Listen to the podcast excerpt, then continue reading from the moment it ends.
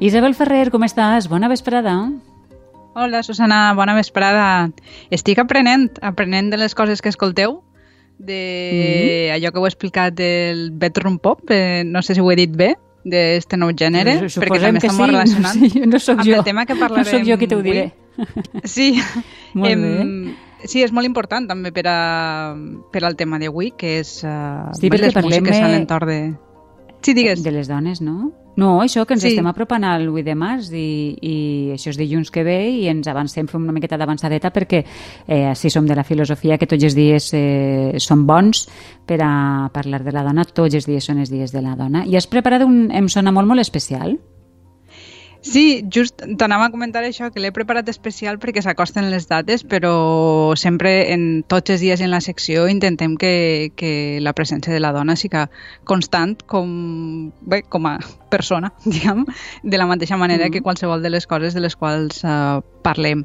Però justament l'exercici de, del 8 de març crec que és, és important perquè l'exercici de mirar arrere i veure les nostres predecessores és una cosa que, Sí. que, en, que en el feminisme s'anomena genealogia feminista i és, i és una eina molt Mm. important perquè ajuda a legitimar les, les activitats que portem a terme avui en dia. No? La sensació de, de no ser sempre les primeres que fem una cosa és, és molt important. Mm. Està per a, per a les i tant dones està sí. estudiat i, i per tant l'exercici que fem avui no és tant de celebració el 8 de març sinó en esta línia. Molt bé, perquè amb la música, amb la música això, eh, com, com ho farem? La meva proposta és fer un xicotet recorregut per algunes de les músiques que d'una forma o altra estan vinculades a les reivindicacions femenines. És un xicotet recorregut, cronològic del passat als nostres dies.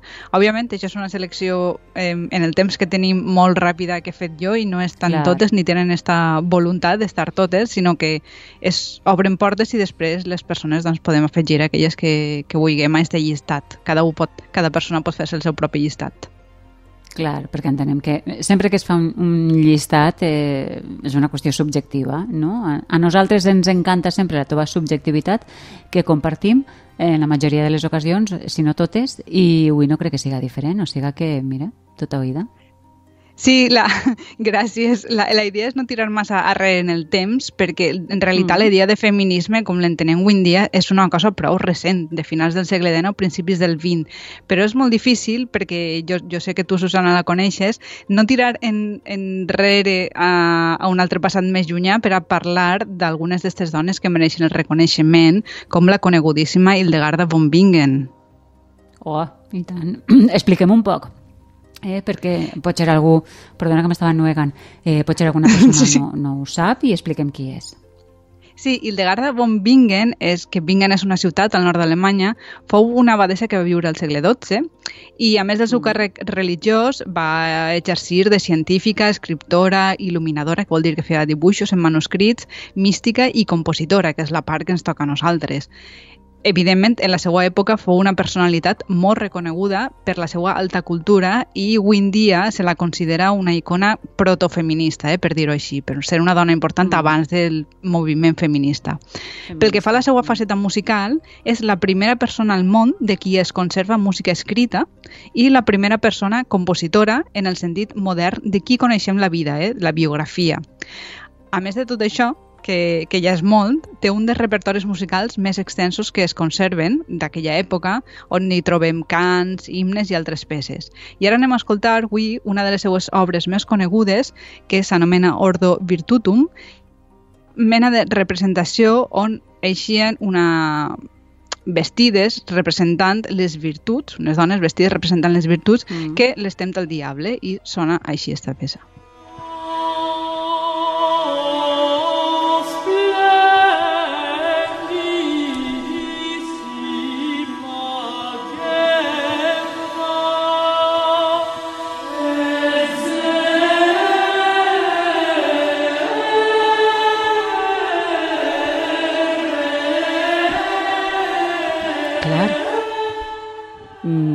Mirat, eh, per a nosaltres és difícil imaginar, no, Isabel, una edat mitjana en què les dones foren així de poderoses.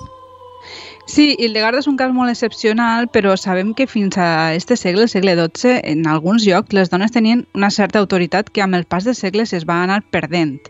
De tota manera, com deia, no és fins al segle XIX que podem començar a parlar de, de feminisme. I com sabeu, a finals del segle XIX és el moment on la industrialització, les fàbriques comencen a, a, a créixer molt, les ciutats comencen a acumular molta gent i això vol dir també que eh, hi havia el, uns obrers en condicions pèssimes. I no només els obrers homes, sinó també dones i xiquets que s'havien incorporat al mercat de treball com a mà d'obra barata.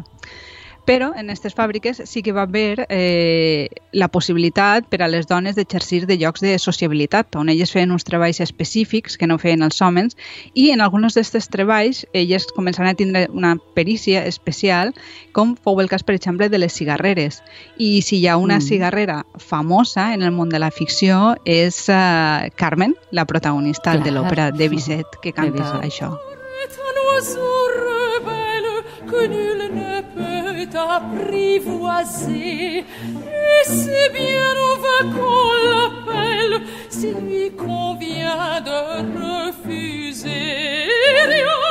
Fait, menace ou prière. Recordem, eh, Isabel, un poc l'argument de l'òpera. L'argument és molt resumit, Don José és un militar que s'enamora de la cigarrera mm. gitana Carmen i després d'un procés de, de seducció, finalment Carmen eh, l'acaba rebutjant perquè prefereix la seva pròpia llibertat personal i sentimental i ell l'assassina. Aleshores, si bé mm. s'ha debatut molt en l'entorn del feminisme què significa Carmen, jo crec que només per este fet ja mereix eh, una menció i una reflexió en, este, en estes músiques per al 8 de març. Mm -hmm. Com a mínim, eh, sí que és representativa d'un seguit de situacions que encara patim les dones. Sí, entre moltes altres coses és una de les possibilitats de lectura de, de l'òpera i també per explicar les realitats d'aquella època de les treballadores de, de fàbrica eh, anònimes que, que no coneixem. Perquè a l'altra banda sí que tenim un grup de dones que sí que actualment estan més reconegudes, que són les sufragistes. Les sufragistes foren un moviment organitzat de dones, normalment d'un cert nivell social i econòmic, que, com estaven un poc més deslliurades de, les, de, de faena, dedicaren part de la seva activitat a reivindicar els drets per a les dones, començant pel dret a vot. És un moviment, sobretot, molt conegut en l'àmbit anglosaxó, on era habitual que eixiren a manifestar-se, fent discursos, escrivint els diaris, i d'estos grups de sufragistes anglesos formava part la compositora Ethel Smith, que el 1911 va compondre La Marxa de les Dones, que és un himne al moviment sufragista del qual ella acabava de formar-ne part. I ara, si voleu, sentim un trosset. Mm -hmm.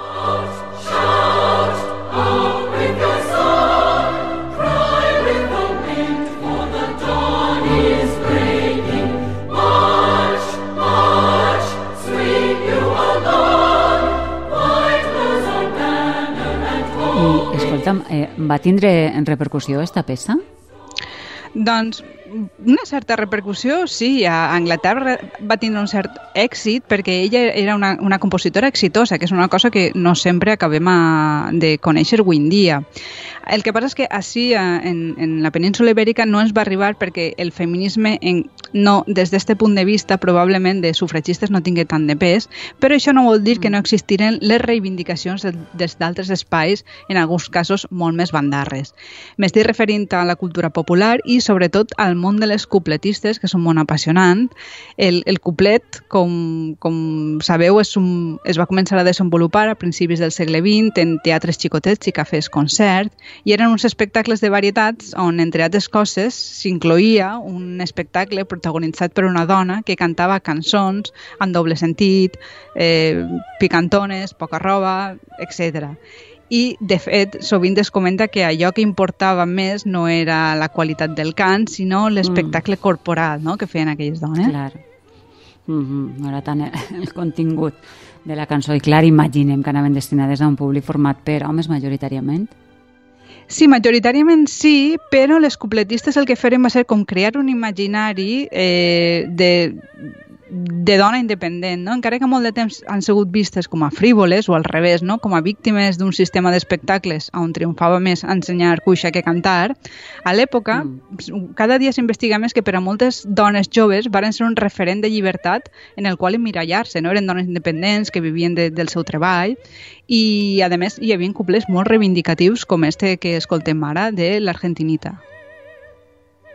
Siguiendo así las cosas, lo mismo que ahora van. Muy pronto las mujeres al hombre sufrirán. Veremos entonces el mundo al revés y cambiados los papeles, será el hombre y la mujer. Será el hombre y la mujer. Serà el hombre i la mujer. Eh, Sí que és cert que no sempre relacionem no, el couplet amb aquesta reivindicativa. Sí, perquè també a poc a poc el couplet va anar quedant-se sense esta part més picant, però també més transgressora, com passant a ser allò que coneixem més com a copla, una cosa que es va, i es va accentuar molt este sentiment durant el franquisme, però tot i això hi ha una investigadora, Stephanie Sieburt, que defèn que, per exemple, que moltes de les coples de postguerra, amb Conxita Piquer i companyia, serviren per a explicar a través de la cançó tot allò que no es podia explicar d'una altra forma, no? Eren, tenien com doble sentit, no? Ella fa com una relectura i, per exemple, algunes coples, com, com Tatuaje, que crec que és la que tenim preparada, ella et diu que és, foren una forma d'explicar el dol que tenien els republicans a través de les cançons, mm. cantant com qualsevol de les dones que cantava en, en les cases, en els treballs, etc. Él vino en un barco de nombre extranjero, lo encontré en el puerto un anochecer, cuando el blanco faro sobre los veleros su beso de plata dejaba caer. Era hermoso y rubio. I de, de Concha Piquer nosaltres tenim la sort de poder visitar la casa on va néixer, no? que actualment és de, un museu al carrer de, de Ruanya. Recordem que eh, estem en la secció de Em sona molt, fent un xicotet recorregut eh, per a, per a il·lustrar el 8 de març, però amb música en este cas cal. I de la copla de postguerra, eh, on saltem ara?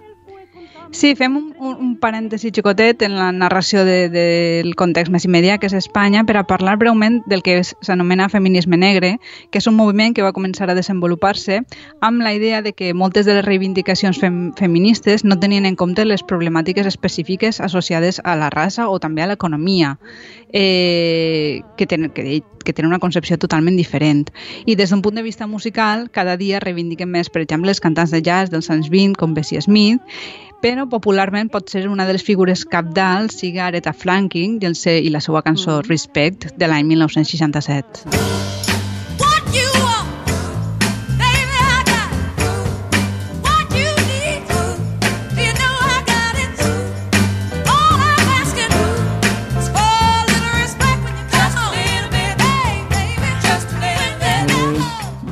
Gran, este tema. I ara pensava, si es va arribar a conèixer esta cançó amb Franco encara? Doncs jo no sabia, però es veu que l'estiu de 1970 ella va actuar al Festival de Benidorm. Es veu que va haver com un representant ah, que va saber que, sí. que començava la gira europea i va decidir contractar-la, és el que he trobat en, en una revista en internet. Eh, jo no sé si cantaria Respect, perquè en aquell moment ja era una, una, una estrela, no? i per a aquestes coses el, el règim jugava sempre amb dos bares de mesura diferents. De tota Sí. manera, d'una forma també més o menys encoberta, a l'estat espanyol ja en els anys 70 començaren a ressonar algunes cançons que qüestionaven el model de dona associat a la llar, al matrimoni, a, al model més tradicional que, que tots tenim en el cap. No?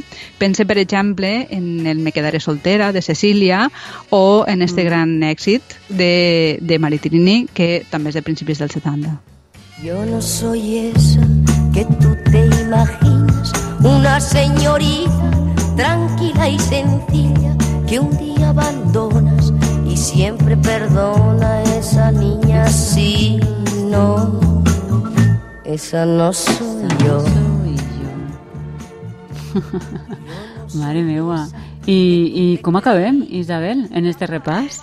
Sí, ara fem ja un salt gran en el temps perquè a poc a poc s'han anat acumulant cada vegada més, més referents. Eh, és, és, ja ara actualment hi ha tot un ventall de, de possibilitats on, on les dones ens podem emmirallar. Eh, el que això suposa que és, és positiu per un costat, però d'altra banda vol dir que encara hem d'estar picant pedra dia a dia. Però bé, si hem de triar-ne alguna eh, representativa i també en valencià, podríem completar este recorregut amb esta cançó del, del diluvi molt, molt coneguda i, i moltes més que, que vinguen per a continuar la lluita. Vas eixir amb sí.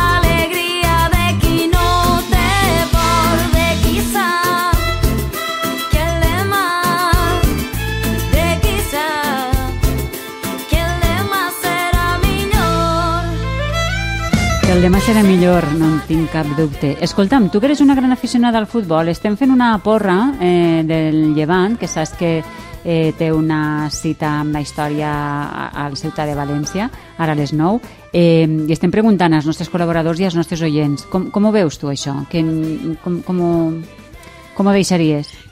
Serà un partit molt complicat, eh, però jo estic segura que el Llevant va posar de tot i va, farem un, un 2 a 1. Va, banyat. 2 a 1? Vinga, molt bé. 2 a 1 a favor 2 del per a Llevant. Sí, Isabel. sí, per suposat. D'acord. Sí, ahir empentant. Molt bé, doncs eh, Isabel, veurem això, veurem qui guanya i veurem com va la setmana. Una abraçada gran. Gràcies. Una abraçada. Gràcies. Que ningú t'ature